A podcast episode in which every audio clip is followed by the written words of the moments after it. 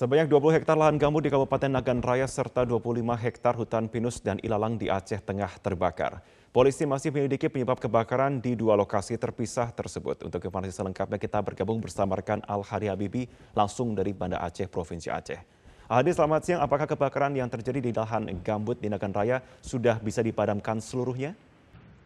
Ya, selamat siang. Marvin, 20 hektar lahan gambut di Kabupaten Nagan Raya terbakar sejak Jumat kemarin dan untuk memadamkan uh, kebakaran tersebut uh, sebanyak 50 personil gabungan baik itu dari TNI, Polri, BPBD serta juga dibantu oleh masyarakat setempat uh, melakukan upaya bersama memadamkan api di lokasi kebakaran yaitu yang berada di Desa uh, Pulau Kruk, Kecamatan uh, Darul Makmur, Kabupaten Nagan Raya. Uh, namun hingga saat ini upaya masih berlangsung mengingat saat ini uh, belum semua atau belum uh, keseluruhan titik api bisa dipadamkan oleh petugas. Dan saat ini ada sekitar 80 persen titik api sudah berhasil dipadamkan oleh petugas gabungan atau sekitar 18 uh, per 18 hektar luas lahan yang terbakar sudah berhasil dipadamkan. Di mana sisanya ada sekitar 2 hektar uh, lahan gambut ini masih dilakukan upaya pemadaman. Dan uh, upaya pemadaman ini sendiri memang juga terkendala dengan uh, lokasi yang sulit dijangkau oleh mobil pemadam kebakaran sehingga petugas hanya melakukan upaya pemadaman dengan alat seadanya seperti menggunakan mesin pompa air Eh, kemudian juga ya, kebakaran juga diperparah dengan kondisi cuaca saat ini di mana Nagan Raya juga masih dalam kondisi cuaca kemarau dan juga kering sehingga ini membuat eh, kondisi kebakaran uh, sangat rentan untuk menyebar luas. Marvin. Alhadi, sudahkah diketahui penyebab terbakarnya kawasan hutan lindung di Aceh Tengah ini? Ya, kebakaran memang juga terjadi di Kabupaten Aceh Tengah dan di Aceh Tengah sendiri. Tidak hanya kebakaran terjadi di uh, lahan warga, namun juga setelah memasuki uh, hutan lindung, di mana menurut data dari Badan Penanggulangan Bencana Aceh atau BBBA sebanyak 25 hektar lahan termasuk hutan lindung di uh, Aceh Tengah terbakar dan saat ini upaya pemadaman juga masih terus dilakukan. Dan terkait dengan uh, pelaku uh, pembakaran sendiri memang pihak dari Polres uh, Aceh Tengah sendiri memang mencurigai bahwa uh, lahan tersebut sengaja dibakar karena, karena karena itu saat ini pihak dari Polres Aceh Tengah sedang melakukan upaya penyelidikan untuk mengungkap siapa pelaku uh, pembakaran. Dan jika terbukti pelaku tersebut membakar hutan, maka polisi akan uh, menindak pelaku tersebut. Dan berikut kita simak pernyataan selengkapnya dari Kapolres Aceh Tengah, AKBP uh, Nur Rahman, Nur Hakim.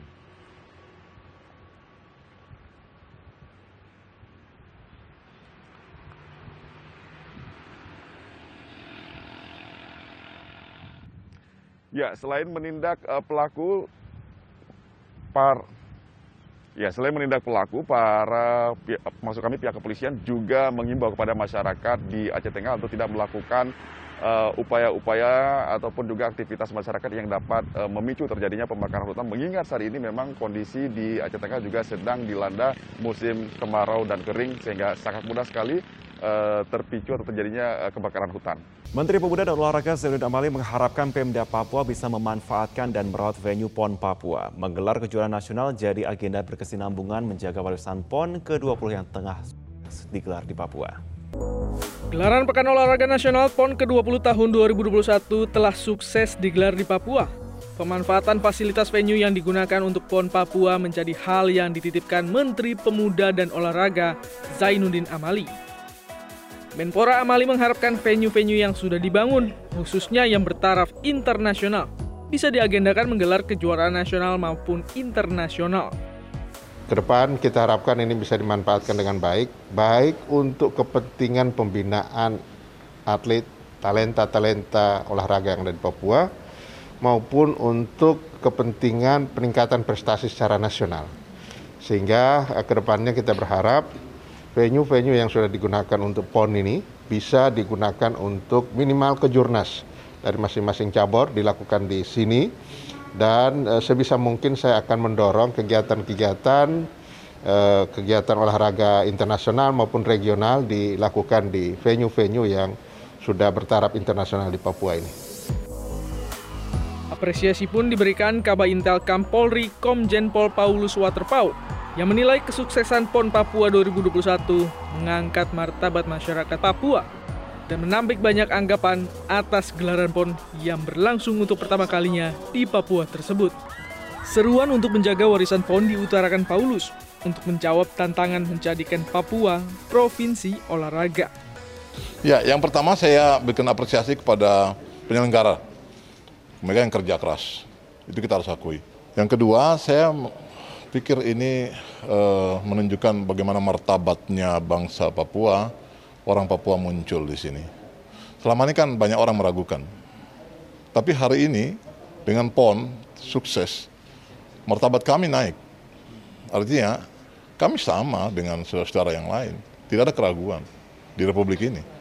Ketika diberikan amanah dan kepercayaan itu, buktinya kita orang bisa kita bisa begitu. Salah satu cermin kesuksesan PON ke-20 Papua yakni tercermin dengan terciptanya 34 rekor nasional dan 56 rekor PON yang berasal dari 6 cabang olahraga. Dari Jayapura, Papua, Sandi Firdaus, Diramsyah Maulana, Metro TV. Sementara itu tim bulu tangkis Indonesia sukses melaju ke partai puncak usai menyingkirkan tuan rumah Denmark dengan skor 3-1. Pada partai pertama babak semifinal tunggal putra Anthony Sinisuka Ginting takluk dari Victor Axelsen 9-21 dan 15-21. Di laga kedua tim Merah Putih menyamakan kedudukan lewat pasangan Marcus Gideon Kevin Sanjaya.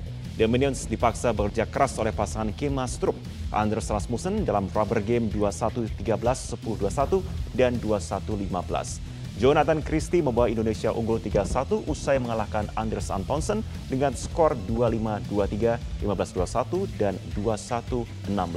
Indonesia pun akhirnya memastikan tiket ke final untuk menghadapi Tiongkok setelah pasangan Fajar Alfian Muhammad Rian menang straight set 21-14 dan 21-14 atas ganda putra Matias Christiansen dan Frederick Sugart. Pemirsa meski masih menerapkan PPKM level 3 sejumlah objek wisata di Sumedang, Jawa Barat sudah mulai dipadati pengunjung. Sementara objek wisata Pantai Bahari, Poles Salimandar, Sulawesi Barat mulai dipadati pengunjung dan abai protokol kesehatan. Setelah ditutup total selama masa pemberlakuan pembatasan kegiatan masyarakat atau PPKM level 4, objek wisata mata air Cikandung di kawasan Cimalaka, Kabupaten Sumedang, Jawa Barat saat ini mulai dipadati pengunjung untuk berwisata. Tidak hanya berasal dari daerah Sumedang, wisatawan bahkan datang dari luar kota seperti Karawang.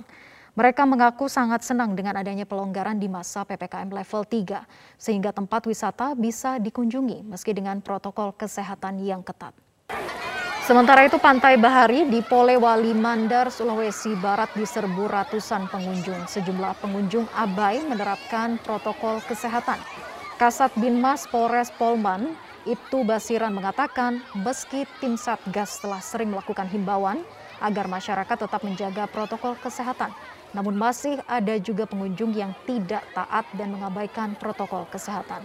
Ke depannya petugas akan terus melakukan pemantauan di kawasan objek wisata ini jika masih terbukti melanggar protokol kesehatan. Objek wisata ini berpotensi akan ditutup sementara untuk mencegah penyebaran COVID-19. Pemirsa Polda Metro Jaya melakukan penyesuaian aturan ganjil genap di sejumlah ruas jalan protokol di Jakarta. Aturan ganjil genap kembali ke aturan lama yang diatur dalam peraturan gubernur. Polda Metro Jaya mengubah aturan ganjil genap di sejumlah ruas jalan yang ada di ibu kota.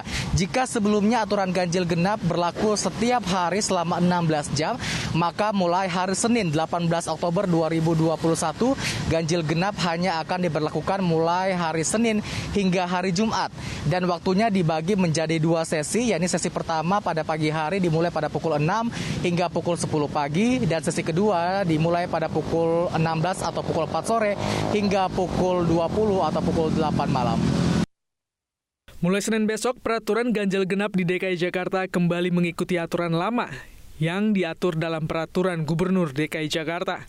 Sementara lokasi ganjil genap diberlakukan di titik ruas jalan utama, yakni Jalan Sudirman, Jalan Tamrin, dan Jalan HR Rasuna Said, Kuningan, Jakarta Selatan. Di lantas Polda Metro Jaya Kombes Sambodo Purnomo Yogo menegaskan ganjil genap berlaku pagi dan sore mulai pukul 6 hingga pukul 10 waktu Indonesia Barat. Kemudian sesi kedua pukul 16 hingga 20 waktu Indonesia Barat. Kemudian ganjil genap juga tidak berlaku setiap hari, melainkan berlaku mulai Senin hingga Jumat. Pertama adalah terkait dengan aturan ganjil genap. Jadi mulai hari ini dan seterusnya, eh, mungkin teman-teman sudah melihat bahwa sejak tadi pagi sudah tidak ada lagi anggota kami yang berjaga di mulut-mulut ganjil genap seperti di Bundaran Senayan ataupun di Patung Kuda ataupun di uh, Kuningan dan sebagainya. Tetapi kita tetap melaksanakan penindakan di tengah ya. Akan ada anggota kami yang melaksanakan patroli kemudian melakukan penindakan kepada masyarakat yang melanggar aturan ganjil genap baik hilang secara manual maupun dengan menggunakan etle.